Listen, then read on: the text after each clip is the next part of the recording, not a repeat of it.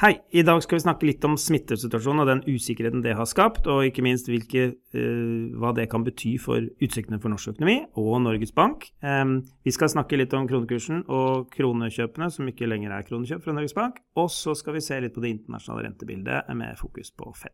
Heng med! Velkommen til podkasten Nordea Markets fra innsiden. Det er tirsdag 23. november.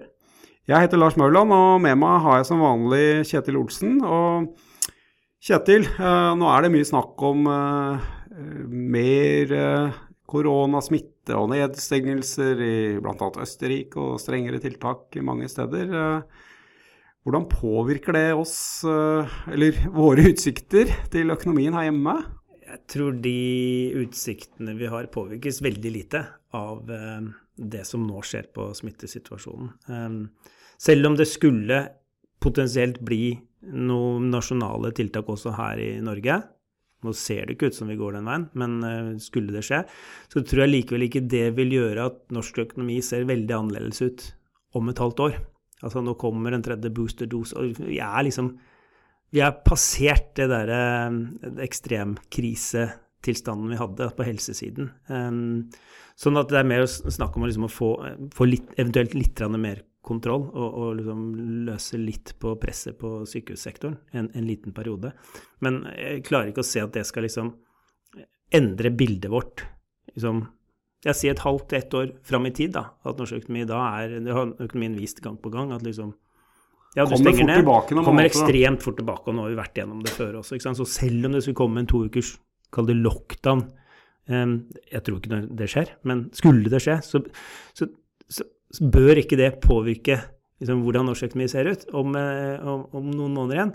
Og derfor tror jeg heller ikke at det som nå skjer på smittesiden, eh, og de, den usikkerheten som har oppstått rundt det, heller påvirker eh, Norges Bank prognoser og rentebaner og rentesetting. Nei, for det er jo det vi egentlig skal fram til her eh, til slutt. I hvert fall, ja, i, hvert fall i, i denne podkasten. ja. ja.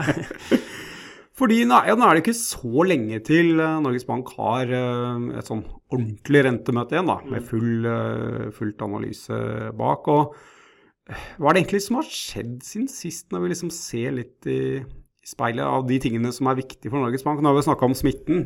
Ja, ja altså den er liksom litt usikkerhet der, da. Men, men uh, Konklusjonen oppsummert det er at eh, det igjen har gått eh, bedre enn eh, Norges Bank hadde forventa. Og igjen så tilsier analysen, i hvert fall sånn som vi vurderer det, en ny oppjustering av rentebanen. Egentlig som vi har varsla en veldig god stund. da. Og det er, det er, ulike forhold som drar her. Det ene er at norsk økonomi igjen har utviklet seg bedre. altså BNP har vært høyere, sysselsetting har vært høyere. Det er litt enda mer trøkk i økonomien, har vært så langt. Det andre som kanskje er enda viktigere er eh, at vi har hatt, i hvert fall i forhold til september, en ganske betydelig renteoppgang internasjonalt. Forventningene til styringsrenter i f.eks. USA og Storbritannia og sånne ting har kommet opp ganske mye. Ja, ganske mye, og vi snakker liksom 70 basispunkter ja. for Storbritannia og ja, USA sin Så, så liksom eh, Bare det alene er nesten liksom med på å dra opp eh, en beregna rentebane for Norges Bank med én haik, ikke fullt, da, men, men så summen av de to tingene. Og så i det siste har vi jo også hatt en ganske god snuoperasjon på kronesida. Krona har jo nå svekka seg ganske betydelig den siste. For det, det lå jo en posisjon hvor det kanskje kunne dra litt på rentene? Ja, krona var en god del sterkere enn Norges Bank eh, antok. Nå er den motsatt, eh, litt svakere enn antatt. Men samtidig er oljeprisen, selv om den har kommet ned nå, da, så er den fortsatt en god del høyere enn det Norges Bank la til grunn. Sånn at det er ved siden av liksom den eventuelle usikkerheten som er rundt smitte og sånn, så drar alle poster liksom igjen positivt. Så når vi i hvert fall setter oss inn i våre regneark og dytter inn liksom hva vi tror Norges Bank kommer til å gjøre basert på den nye informasjonen, så løftes rentebanen med ja, en haik cirka, pluss-minus. Um, ja, sånn at en, en, ny rentebane bør vise um, fire rentehaik neste år. Altså kommer nå i desember, men liksom hvert kvartal hele neste år også, sånn at vi er tilbake på den renten vi starta på. 1,5 eh, i desember neste år. Og så ja. at det fortsetter én eller to ganger til i 2023. Um, sånn, det er sånn vi liksom regner på den rentebanen nå, da. Ja. Det begynner å ligne ganske tett på den prognosen vi ga for et par uker siden, eh, som, ja. som, hadde det i seg at vi, vi tror Norges Bank, sånn som det ser ut nå, kommer til å måtte gå litt på den såkalte restriktive siden når vi kommer ut i 2023, altså løfte styringsrenta litt over det de vurderer som en nøytral Vi fikk jo noen signaler fra denne eh, forventningsundersøkelsen her også eh, forrige uke, som, som, peker litt at ja, kanskje inflasjonen blir litt høyere enn det man har sett for seg. Ja, det var det kanskje, de svar, som svares i den undersøkelsen. Ja, kanskje sær, en ting var inflasjonen, men kanskje særlig lønnsforventningene. Så det var ganske ja. unisont løft i både hva de tror lønnsveksten blir i år, som er enda høyere enn det de trodde. Og kom, det er jo en effekt av at eh, lønnsglidningen antageligvis eh, har vært eh, større da, inneværende år enn det man har lagt til grunn. Så liksom anslaget inneværende år ble løfta ganske mye, og ikke minst forventningen til neste år ble løfta ganske mye for lønnsveksten. Så vi begynner å nærme oss en 3,5% lønnsvekst, og det, og det, er over det Norges Bank har lagt til grunn. Så også der er det en liksom tilt mot høyere Ja, en oppside, ja. Så så, så, igjen, bortsett fra liksom litt mer usikkerhet rundt smitten, som vi mener egentlig ikke bør bety noe særlig da, for utsiktene for norsk økonomi litt lenger fram, så, så, er det egentlig bare plusser denne gangen også på, mm. på rentebanen. Men litt tilbake til, eh, til kronekursen. Fordi ja, Vi har jo sett at kronekursen følger jo i stor grad oljeprisen. Men Norges Bank kommer jo også med et sånn, litt sånn eh, signal midt i måneden her om at de plutselig skulle slutte å kjøpe kroner. Hvor kom den fra? Ja, Det har du varsla, har ikke det, Lars? Jeg har det. Ja, Hva kan du sjøl, da? Um, jo, så det har jo med, det sa jo Norges Bank også, at her har inntektene fra, uh, skatteinntektene fra oljesektoren vært vesentlig høyere enn man har venta. Det visste man for så vidt allerede i oktober, når den, uh, den skatteinnbetalingen kom der. Men også utsiktene fremover for neste år. En del skatt som uh, av det oljeselskapene har tjent i år, som ikke blir betalt før til neste år.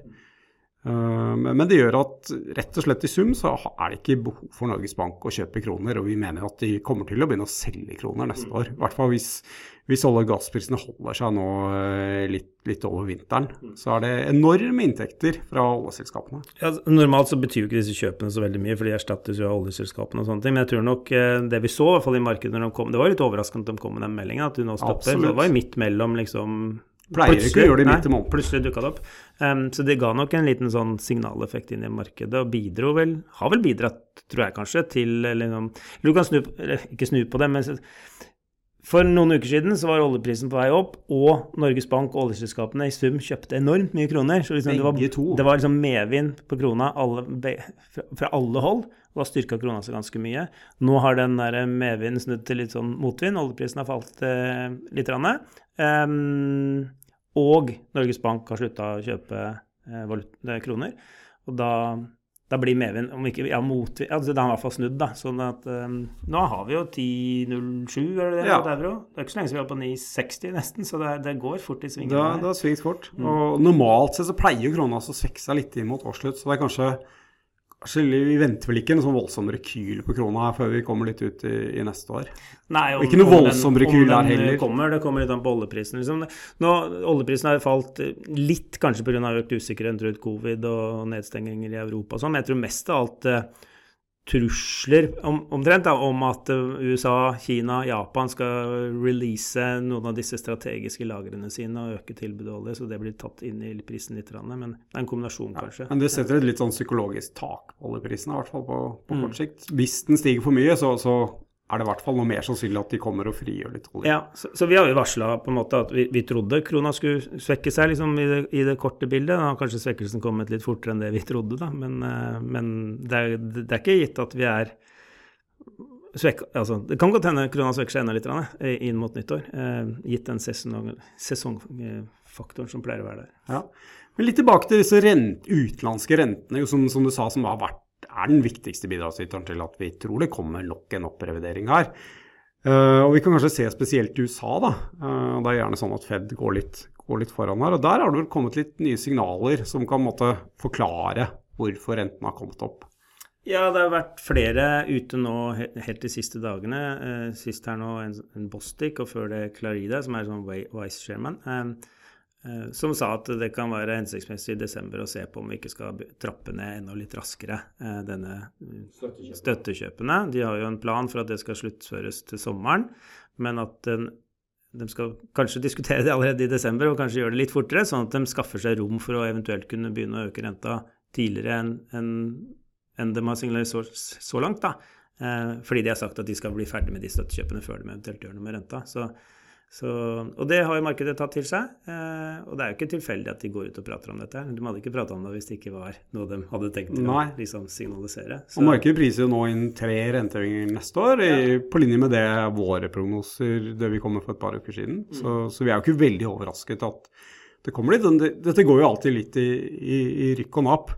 Uh, og så er det jo, altså Fed har jo lenge argumentert for at det er veldig viktig å kjøre en utrolig ekspansiv pengepolitikk så lenge som mulig. De er liksom helt sikre på at alle er tilbake i jobb uh, osv. osv. Hva er det som har gjort, fått dem til å endre mening nå i det siste? I hvert fall litt, hva tror du? Ja, nei, jeg tror det er, De er blitt mer usikre på om denne høye inflasjonen eller prisveksten som vi ser nå, er så midlertidig som de lenge har trodd. Da. Så de, de får flere og flere eh, liksom eh, argumenter, tror jeg, for å si at det synet de hadde, kanskje ikke var helt korrekt. Da.